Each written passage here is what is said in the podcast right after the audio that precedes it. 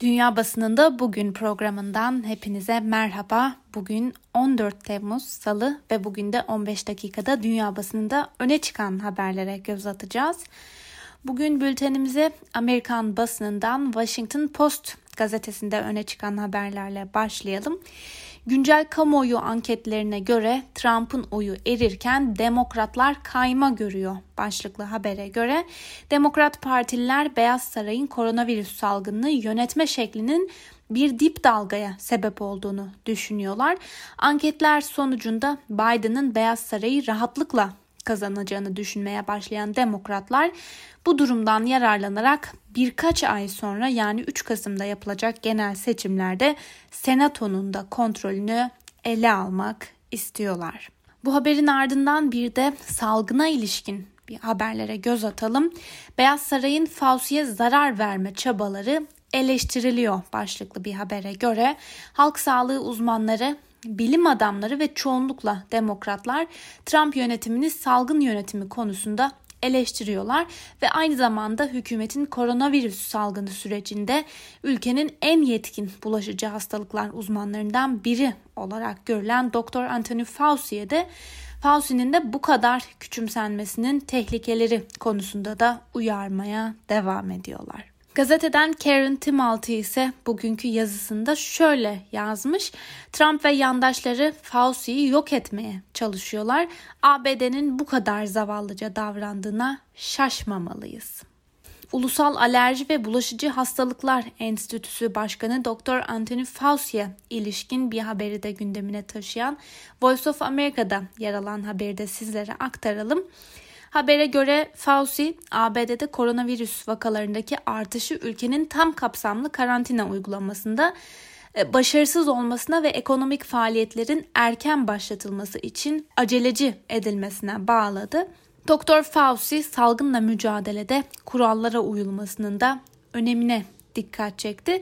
Öte yandan Beyaz Saray korona görev gücünün basın toplantılarında yaptığı gerçekçi açıklamalarıyla öne çıkan Fauci, Kamuoyu yoklamalarına göre salgın sürecinde ABD halkının en fazla güvendiği isimlerden biri haline geldi. Reuters haber ajansında yer alan bir habere göre Trump'ın seçim anketlerinde düşüşe geçmesiyle birlikte Fauci ile arasındaki gerginliğin de tırmandığına dikkat çekiliyor. Geçen hafta Fox News haber kanalına konuşan ABD Başkanı Donald Trump, Fauci için iyi bir adam ama çok hata yaptı diye konuşmuştu. Fauci ise bu açıklamaların ertesi gününde Financial Times ile yaptığı söyleşide Trump'a son iki aydır briefing vermediğini belirtmişti ve Beyaz Saray'ın geçtiğimiz hafta sonu da Fauci'nin salgının ilk başlarında yaptığı ve sonradan yanlış çıkan varsayımlarını sıralayan bir açıklamalar listesi hazırladığı da iddia ediliyor.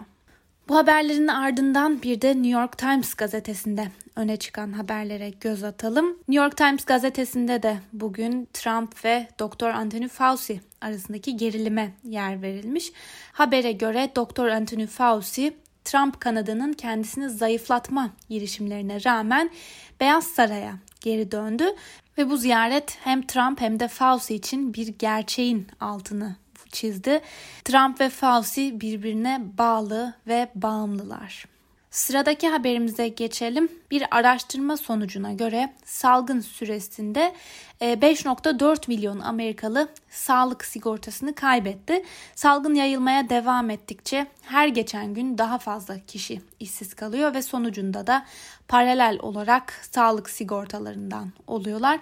Öte yandan son 24 saat içinde de ülkede 61 binden fazla yeni vaka tespit edildiği belirtiliyor.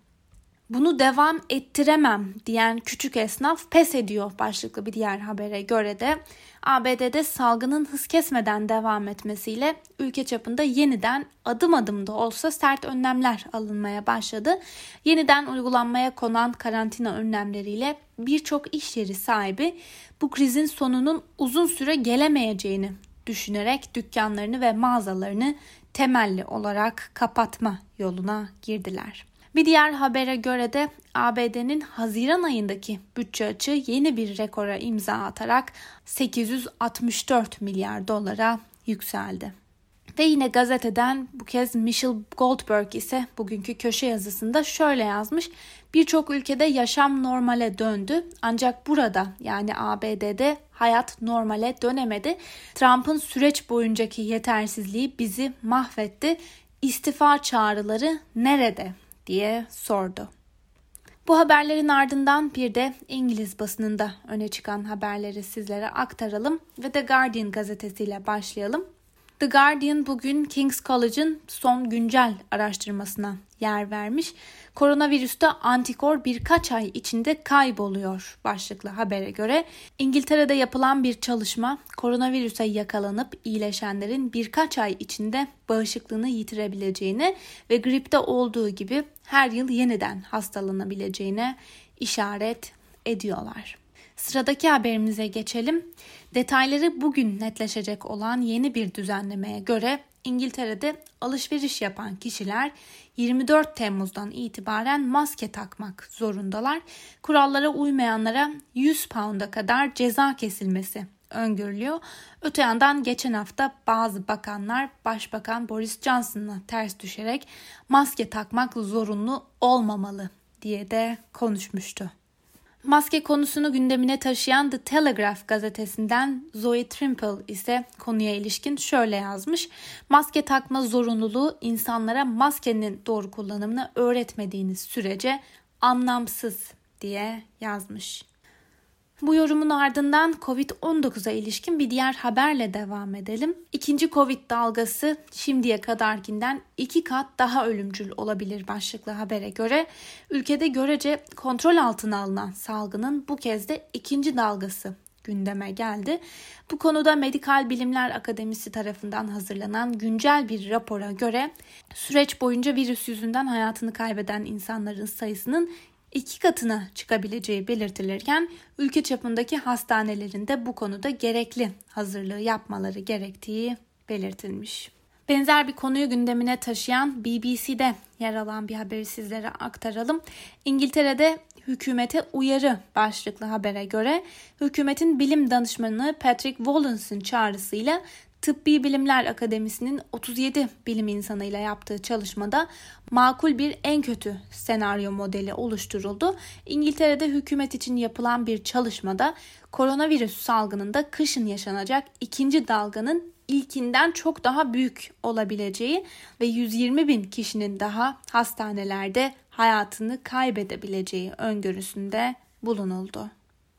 BBC'nin ardından bir de Independent'ta öne çıkan bir e, yazıyla devam edelim.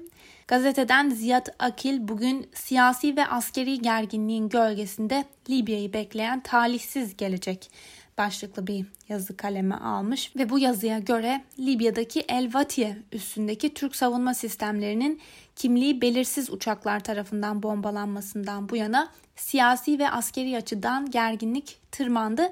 Günden güne Libya meselesi Libya'yı önemsemeksizin olayları yönlendiren yabancı müdahalelerle birlikte siyasi çözüm sürecinden daha da uzaklaşıyorlar. Meşruiyetin yokluğu ve tüm tarafları tatmin eden siyasi bir çözüm üzerinde uzlaşı sağlanamamasıyla birlikte ulusal mutabakat hükümeti şu an karşı tarafı tanımaksızın ve siyasi müzakereleri reddederek silahların ve milis otoritesinin meşruiyetini elinde barındırıyor. Bu koşullarda Libya meselesi siyasi bir çözümden son derece uzak bir konumda. Aynı şekilde siyasi bir çözüm süreci sırasında her bir tarafın ağırlığına yansıyan güç dengesini değiştirmek için yabancı askeri müdahalelere kapı aralandı. Bu durumda sahnenin en büyük kaybedeni olan Libya halkının acılarını daha da çoğaltıyor. Independent'ta öne çıkan bu yorumun ardından bir de Alman basınından Deutsche Welle'de öne çıkan birkaç haberi sizlere aktaralım. Dünya Sağlık Örgütü'nden durum çok çok çok daha kötüleşebilir başlıklı habere göre Dünya Sağlık Örgütü temel önlemlerin uygulanmaması durumunda koronavirüs salgınının çok daha kötüye gideceği uyarısında bulunarak yanlış yolda çok fazla ülke var açıklamasını yineledi. Avrupa Birliği'nden Türkiye'ye Doğu Akdeniz için yeni yaptırım sinyali başlıklı bir diğer habere göre Avrupa Birliği Ankara ile yaşanan Doğu Akdeniz geriliminde Türkiye'ye yönelik yeni yaptırımlara hazırlanıyor. Avrupa Birliği aynı zamanda Türkiye'nin Ayasofya kararını da kınamakla yetindi diyelim ve sıradaki haberimize geçelim. Almanya'da korona krizinde aile içi şiddet arttı başlıklı bir diğer habere göre Almanya'da koronavirüse karşı getirilen sosyal ve ekonomik kısıtlamaların bazı eyaletlerde aile içi şiddeti arttırdığı ancak güvenilir verilerin yıllık istatistiklerle elde edilebileceği belirtiliyor. Berlin'deki adli tıp makamlarına göre eyalette aile içi şiddet vakalarında ciddi bir artış yaşanmış bulunuyor. Korona önlemlerinin gevşetildiği Haziran ayında 2019 yılının aynı dönemine göre %30 oranında bir artış gözlemlendi. Söz konusu artışın gevşeme döneminde kaydedilmesine, insanların karantina döneminde evden çıkmamasının neden olduğu da belirtiliyor. Fransız Le Monde gazetesi ise bugünün ilk sayfasına ABD'de artan vaka sayılarını taşımış. Korona önlemlerinde düzenlemeler yapan Kaliforniya eyaleti geri adım attı başlıklı habere göre. Kaliforniya'nın en temel iki okul bölgesi sayılan Los Angeles ve San Diego sonbahar boyunca internet ortamından yani online eğitim verme kararı aldı. Ayrıca Kaliforniya valisi eyalet genelinde barların da kapatılacağını açıklarken restoranların içinde yemek yemenin de yasaklanacağını söyledi. Ve son olarak El Cezire'de öne çıkan bir haberi sizlere aktaralım. Libya'nın ulusal petrol şirketi üretimin durdurulmasının arkasında Birleşik Arap Emirlikleri'nin olduğunu söyledi başlıklı habere göre. Libya'nın ulusal petrol şirketi Birleşik Arap Emirlikleri'ni petrol ihracatına engel olmakla suçladı. Şirketten yapılan açıklamada üretimi durdurma talimatının Libya Ulusal Ordusu'na Birleşik Arap Emirlikleri'nden verildiği bilgisini aldık dendi.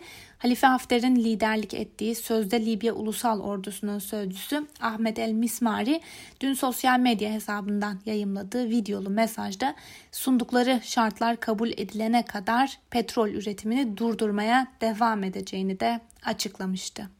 Sevgili Özgürüz Radyo dinleyicileri bu haberle birlikte bugünkü programımızın da sonuna geldik.